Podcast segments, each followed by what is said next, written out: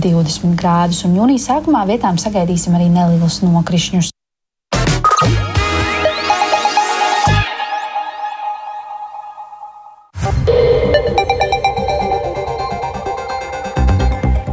Piecas minūtes pāri 12. skanējumu sāk otrdienas 30. māja raidījums pusdiena ar plašāku skaidrojumu par šodien būtisko. Studijā Dāca Pēkšēna.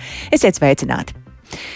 Ir noslēgušās valsts prezidenta amata kandidātu oficiālās tikšanās ar saimnes frakcijām pirms rīt gaidāmajām prezidenta vēlēšanām. Tomēr, kā jau prognozēts iepriekš, tas vēl nenozīmē skaidrību par to, vai kādam no trim izvirzītajiem kandidātiem ir izredzes kļūt par valsts prezidentu. Un šorīt ar Zaļo un Zemnieku savienības frakciju tikās jaunās vienotības virzītais Edgars Rinkēvičs, un vairāk par to zina stāstīt kolēģis Jānis Kīncis, kurš nu jau ir studijām šeit pat līdzās. Sveiks, Jāni! Sveiki! Laika dati sveicināti klausītāji. Jā, vakar, kad Latvijā bija svētku diena Latvijas hokeistu sagaidīšanai pēc bronzas medaļu izcīnīšanas, valsts prezidenta amata kandidātu vizītes frakcijās neatcēla, un visi kandidāti - Elīna Pinto, Uldis Pīlāns un Edgars Rinkevičs tikās ar Nacionālās apvienības frakciju. Viņi aizvien ir noskaņoti neatbalstīt nevienu no trīs kandidātiem, bet uh, konkrētus lēmumus pieņems 31. maijā pirms katra no balsojumiem. Savukārt Latvija pirmajā vietā frakcijas uh, deviņi deputāti un ārpus frakciju eh, pārstāvi Glorija Grefcova atbalstīšot pīlēna kandidatūrai, bet frakcijas stabilitātei visticamāk nevienu no pieminētajiem trīs kandidātiem. Un šorīt jaunās vienotības uh, kandidāts uz valsts prezidenta amatu Edgars Rinkēvičs tikās ar Zaļo un Zemnieku savienības frakciju, un pēc tās ZZS frakcijas vadītājs Viktors Valēns apliecināja, ka lēmumu, kā balsot, frakcija pieņems trešdien pirms saimas sēdes, kurā notiks valsts prezidenta vēlēšanas. Mums bija ļoti laba saruna. Iezīmējās arī vairākas jaunas šķautnes, par kurām publiskajā telpā ir mazāk runāts attiecībā uz politiskiem jautājumiem, kas mums svarīgi ir reģionāla politika. Un es domāju, ka mums būs priekšā ļoti grūti izšķiršanās, lai izdarītu savu izvēli, ko mēs izdarīsim 31. maija rītā. Vēl priekšā arī pašiem kandidātiem vēl šodien vairākas debatas, kurām mēs ļoti sekojam līdzi. Apspriedē ZZS frakcijas deputāti izmantojuši iespēju Edgaram Rinkevičam uzdot daudzus un dažādus jautājumus. Un Gaidot šīs sarunas noslēgumu, varējām dzirdēt, ka šajā sarunā neizpalika arī joki un skaļi smiekli.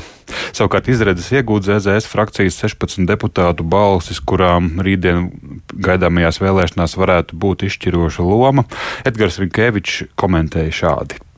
Es absolūti respektēju to, ko teica Valaņkungs, ka frakcijai priekšā stāv diskusija, frakcija lems par to rītdien. Un es respektēšu jebkuru lēmumu, kādu frakcija izvēlēsies. Kurā gadījumā mūsu sadarbība gan pozīcijā, gan opozīcijā ir bijusi. Kā ārlietu ministram turpinās arī ikdienā, un arī ārpolitikas debašu laikā.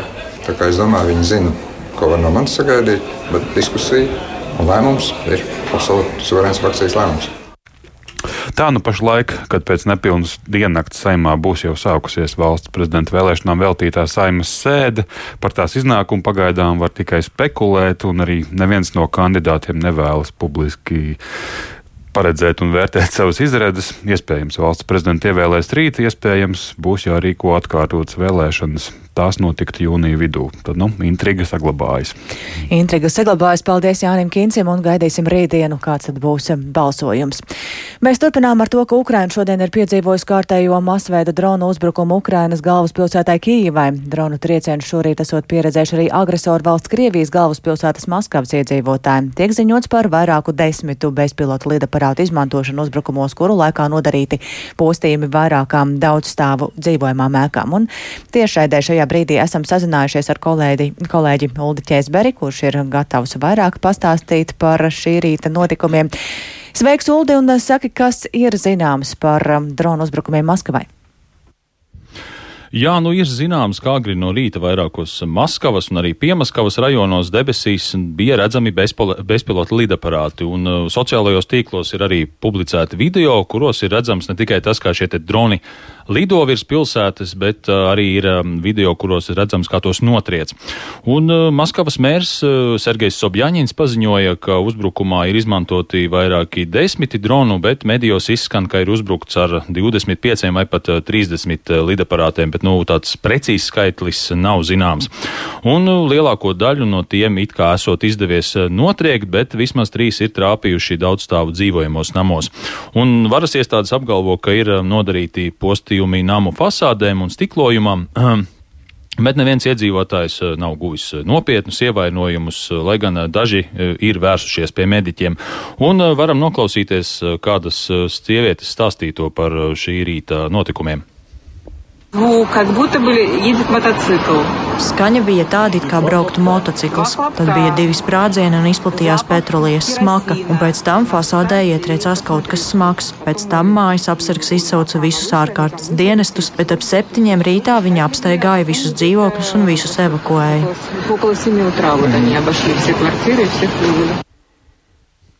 Jā, un Krievijas aizsardzības ministrija notikušajā vaino Ukrainu, bet nu, nekādus pagaidām sīkākus komentārus par notikušo nav sniegusi. Nu, skaidrs ir Krievijas teiktais, bet ko Ukraiņi saka par šī rīta uzbrukumiem Maskavai? Nu, vismaz līdz ēteram es nemanīju, ka Ukrainas oficiālās amatpersonas būtu uzteikušās par šiem uzbrukumiem Maskavā, bet eh, tas varētu būt arī saprotami, ņemot vērā to, ka Ukrainas galvaspilsēta Kīva šorīt pieredzēja kārtējos Krievijas dronu uzbrukumus, eh, kuros nogalināja vismaz vienu civiliedzīvotāju, bet vēl 13 ievainoja.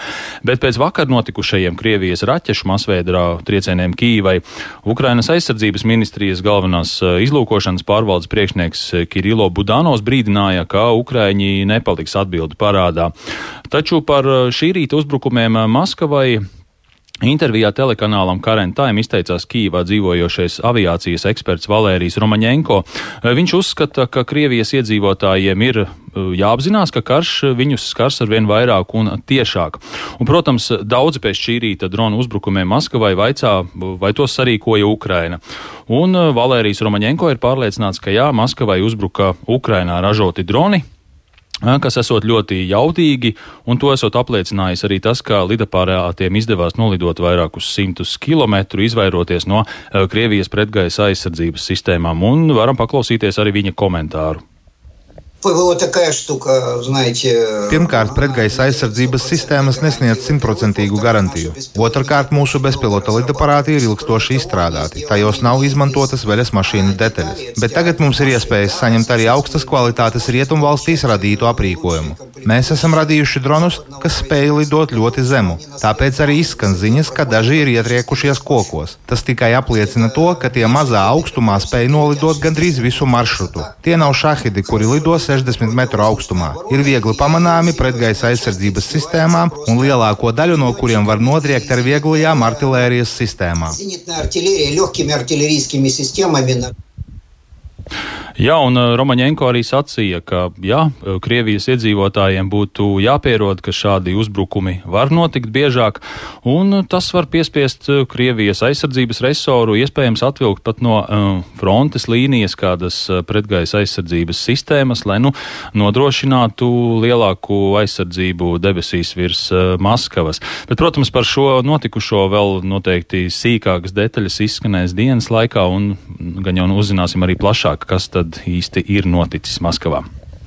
Paldies Uldim Česberim par šo skaidrojumu un šobrīd pieejamo informāciju.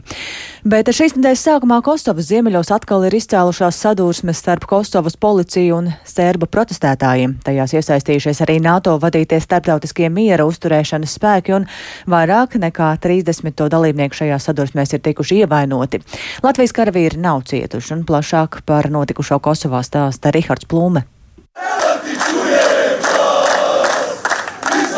Kosovas ziemeļos pie vairākām pašvaldību ēkām šīs nedēļas sākumā pulcējās serbu demonstranti, lai pieprasītu atcelt no mēru amatiem nesen ievēlētos etniskos albāņus. Par iemeslu kārtējam spriedzes uzliesmojumam Kosovā ir tas, ka Kosovas etnisko serbu minoritāte boikotēja aprīlī notikušās pašvaldību vēlēšanas, tāpēc kontrole vietējās padomēs nonāca albāņu rokās kaut arī vēlētāju aktivitāte bija mazāka par 3,5%. Pēc tam Kosovas premjeras Albins Kurtī pagājušajā nedēļā iecēla mērus, ignorējot serbu pretestību un Eiropas Savienības un ASV aicinājumus to nedarīt.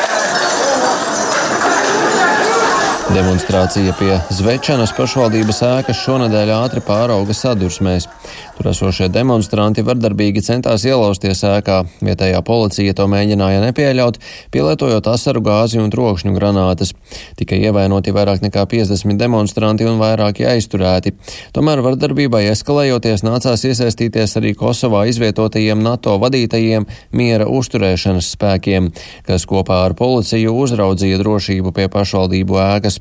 Serbu demonstranti apmētāja drošības spēkus un žurnālistus ar akmeņiem, molotovu kokteļiem, petardēm un asaru gāzi. Sadursmju rezultātā cieta vairāk nekā 30 miera uzturēšanas spēku dalībnieki, Ungārijas un Itālijas karavīri. Vairāku cietušo stāvoklis raksturots kā nopietns. Notikuma vietā filmētajos kadros redzami vairāki ievainoti miera uzturētāji, no kuriem daži guļ uz zemes un pašu spēkiem nevar piecelties, daži tiek vilkti pa zemi tālāk prom no sadursmēm, bet citi klibodami dodas pēc palīdzības. NATO stingri nosodījusi vardarbības uzliesmojumu un aicinājusi to izbeigt. Miera uzturēšanas spēkos Kosovā ir arī Latvijas karavīri. Nacionālie bruņotie spēki norādījuši, ka Latvijas kontingentam pašlaik nav apdraudējuma un mūsu karavīri turpina pildīt dienesta pienākumus. Pēdējā laika vardarbības apmēru eksperti vērtē kā lielāko daudzu pēdējo gadu laikā. Rihards Plūme, Latvijas radio.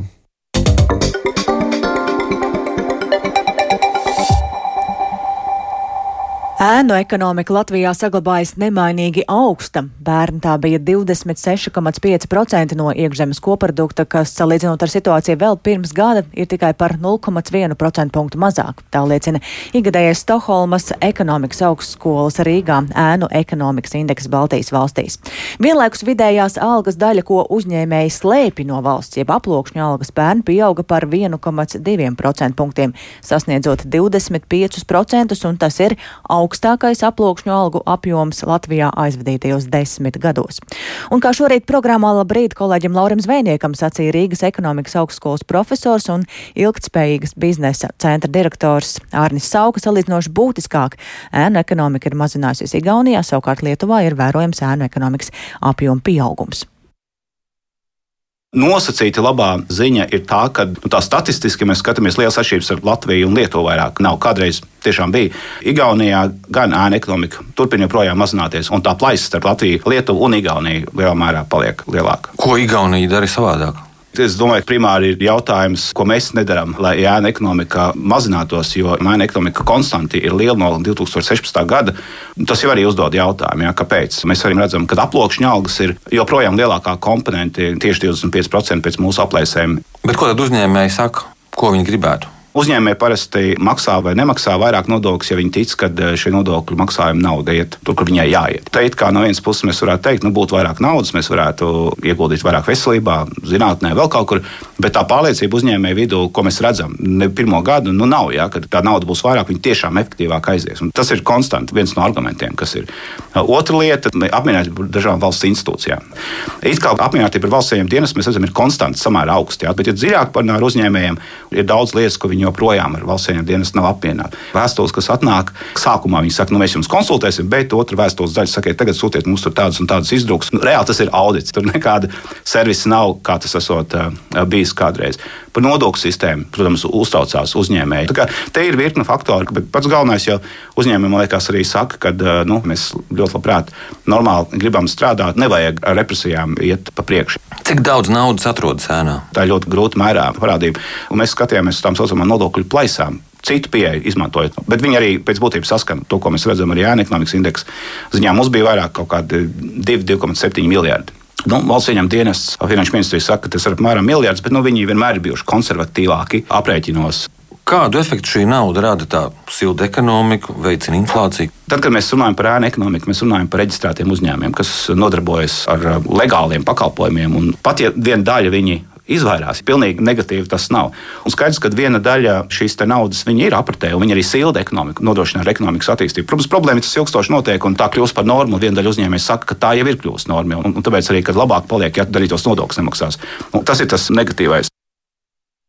Tā Rīgas ekonomikas augstskolas profesors Arnis Sauka, un vēl šodien būtisks temats ir par skolu tīkla sakārtošanu. Skolu izvietojumu 7. 12. Klašu, 12. klašu grupai būtu jānosaka valstī, atstājot kā īpašnieku pašvaldību, bet 1. 6. klašu grupā to varēs noteikt pašvaldība, un valsts tikai sniegs rekomendācijas un rūpīgi uzraudzīs izglītības kvalitāti. Ar šādu piedāvājumu šodienas ministru kabineta sēdē nāks klajā izglītības ministra Anda Čakša no jaunās vienotības, aicinot veikt atbilstošas izmaiņas normatīvos. Skolu reformu, kas vismaz nākamajiem desmit gadiem noteiks Latvijas izglītības karti, gan nevar paspēt realizēt no 1. septembra, bet tikai no 2024. 25. mācību gada, un tā šorīt ir atzinusi ministra Čakša, iezīmējot standārtus skolu optimizācijai. Pirmā būtiskā lieta - pārējot uh, no vienkārši pašvaldību formas uz bērnu blīvumu uh, teritorijā. Tādā veidā gan saglabājot pierobežas uh, statusu, gan tajā papildus iekļaujot uh, teritorijas, kur ir ļoti zems bērnu blīvums. Otra lieta - aizgājām prom no skolēna, skolotāju proporcijas, jeb attiecības, pārējot uz to, ka mērķis, lai mēs piepildītu skolotāju uh, kapacitāti, ir vismaz 80% piepildīta darba diena. Noteicām uh, pieejamības kritērijus, sadalot tātad bērnus pēc vecuma grupas 1, 6 Eh, nosakot eh, ne tālāk, vai ne ilgāku laiku par 40 minūtēm, kas ir pavadītas ceļā. Savukārt vecuma grupā 7, 12 nosakot, ka attālums līdz skolai konkrētajam bērnam ne tālāk par 25 km, kas nozīmē matemātiski, ka attālums starp divām skolām ir 50 km. Jāpiebilst, ka ministrijas stratēģija paredz arī noteikt minimālo skolēnu skaitu 7, 9 un 10, 12 klašu grupās, un te būtiski būs bērnu blīvums dažādās teritorijās un arī ir pieļaujami izņēmumi. Un pēc šī plāna gandrīz 100 Latvijas skolas varētu zaudēt vidējās izglītības pakāpi. Bet vairāk par to runāsim jau nedaudz vēlāk redzījumā pēcpusdienā. Un ar izglītību arī turpinām, bet sporta jomā. Līdz ar Latvijas iegūto bronzu hokeja čempionātā iedvesmas pilni trenēties un nākotnē cīnīties arī par medaļām Latvijai ir jaunie hokeisti. Šobrīd to var darīt 25 vietās Latvijā, un treneri atzīst, ka katram bērnam ir iespēja tikt izlasē. Latvijas radio devās uz Volvo ledus halli Imantā, un šobrīd varam paklausīties Ventas Ilvas stūris speciāli Latvijas radio veidoto ierakstu.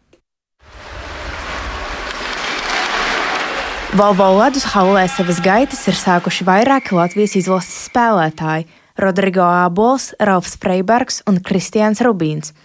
Arī šobrīd šeit trenējas nākamā hokeistu paudze. Visapkārt jūtama iedvesma tiekties pēc uzvaras, NHL vai kas nu kuram mazajam hokeistam ir vēlākais sapnis. Tomēr sarunās dzirdams viens. Čempionāts kalpojas kā motivācija, un bērni šo brīdi neaizmirsīs. Tā tik daudz emocijas pārāk. Nevarēju to izturēt. Cenšamies tikt. Gribēju paskatīt mājās uh, spēli, nu pat vajag trenēties. Lai arī tur spēlētu. Es esmu uzbrucējs vai komandas kapteinis. Bija forši, man ļoti patika, kā emocijas, visas tik daudz cilvēku, tik daudz fani. Ļoti labi, viņš ļoti labi sargāja, nu, pelnīja dabūjā. Kā labākais spēlētājs čempionātā, kā labākais vārdsargs, un es arī gribu tāds būt. Arī jauno hokeistu tuvinieki stāsta, ka censoņi ir apņēmības pilni sasniegt jaunas virsotnes nākotnē. Es esmu Arčūma brālis. Viņa mērķis ir kļūt par labu hokeja spēlētāju. Kad viņš izaugs, viņš ļoti grib spēlēt Latvijas izlasē un iegūt pirmo vietu. Vecāki uzsver, ka hokejā iedvesmai iet uz treniņiem jānāk no pašiem bērniem.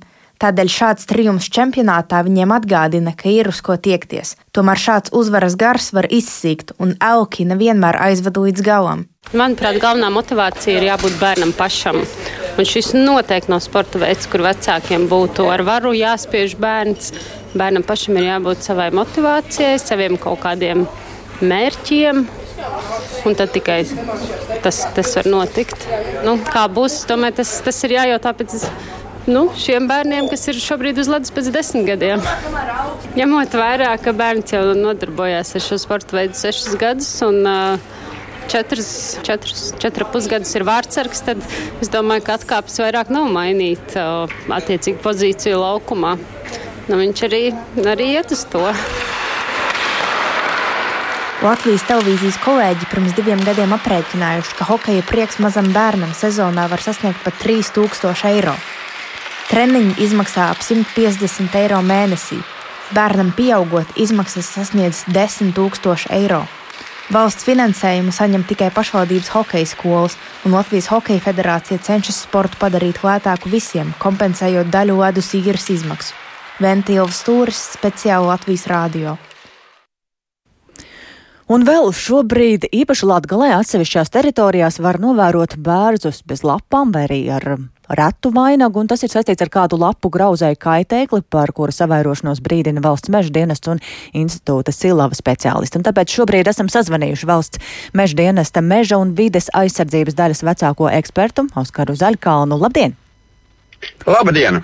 Kas šis ir par kaitēkli ar ļoti sarežģītu nosaukumu jāteic, un cik plašas teritorijas šobrīd tas ir skāris? Uh, tas ir viens no sprīžmešiem, jeb saules sprīžmešiem. Viņas ir vairāk sugas, pēc būtības dzīvojas ļoti līdzīgi. Pa gabalu nepateiksiet, kurš no tām sugām atšķirās, varbūt tas tur kāpuram galvas krāsa. Uh, teritorijas, nu, ko mēs esam konstatējuši, tas ir vairāk desmit hektāru platībā. Izmētāts tur vairāk, teiksim, tā sēlīs, sēlīs puse, nedaudz arī varbūt tās prēļu puse, līvāna puse. Pašlaik atsevišķas vietas, it kā informācija arī par tālāk, tuvāk Valmierai, ne Valmierai, bet Reizeknei. Bet tā kā īsti precīzi neviens platības nav uzskaitīts, jo viņš nav ļoti bīstams kaitēklis, kā kaitēklis viņš ir. Bet tas, bet tas ir daudz vai maz šīs platības, nu tā ap, aptuveni skatoties, protams, nevarot pateikt precīzi. Nu, pret uh, Latviju kopumā ņemot, es teikšu, tas nav ļoti daudz, bet uh, konkrētai teritorijai daudz. Bet šis kaitēks tātad nodara ļaunumu bērniem vai ir apdraudēti arī citi koki? Uh, viņš praktiski ne bērns viņam kā pamatsuga, bet viņš tikpat labi sastopams arī uz augļu kokiem. Viņu var sastapt, var sastapt uz ogulājiem un kādreiz arī noiet līdz teiksim, tā, sīkrumiem, ko mēs saprotam, kā melnēs vai kaut kas tamlīdzīgs, ja viņi ļoti daudz savairojušies.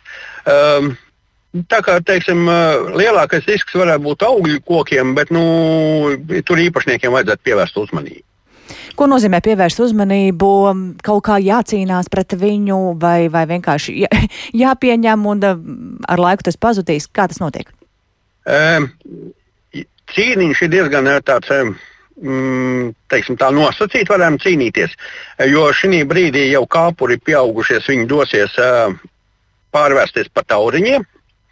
Un pēc tam gan vajadzētu, ja ir augļu koku dārzos, viņu konstatēti uzlikt līmes jostu, jo mātīte nav lidojošs kaut arī tauriņš, bet viņš cenšas uzrāpties augstāk, kur atlido tēviņi.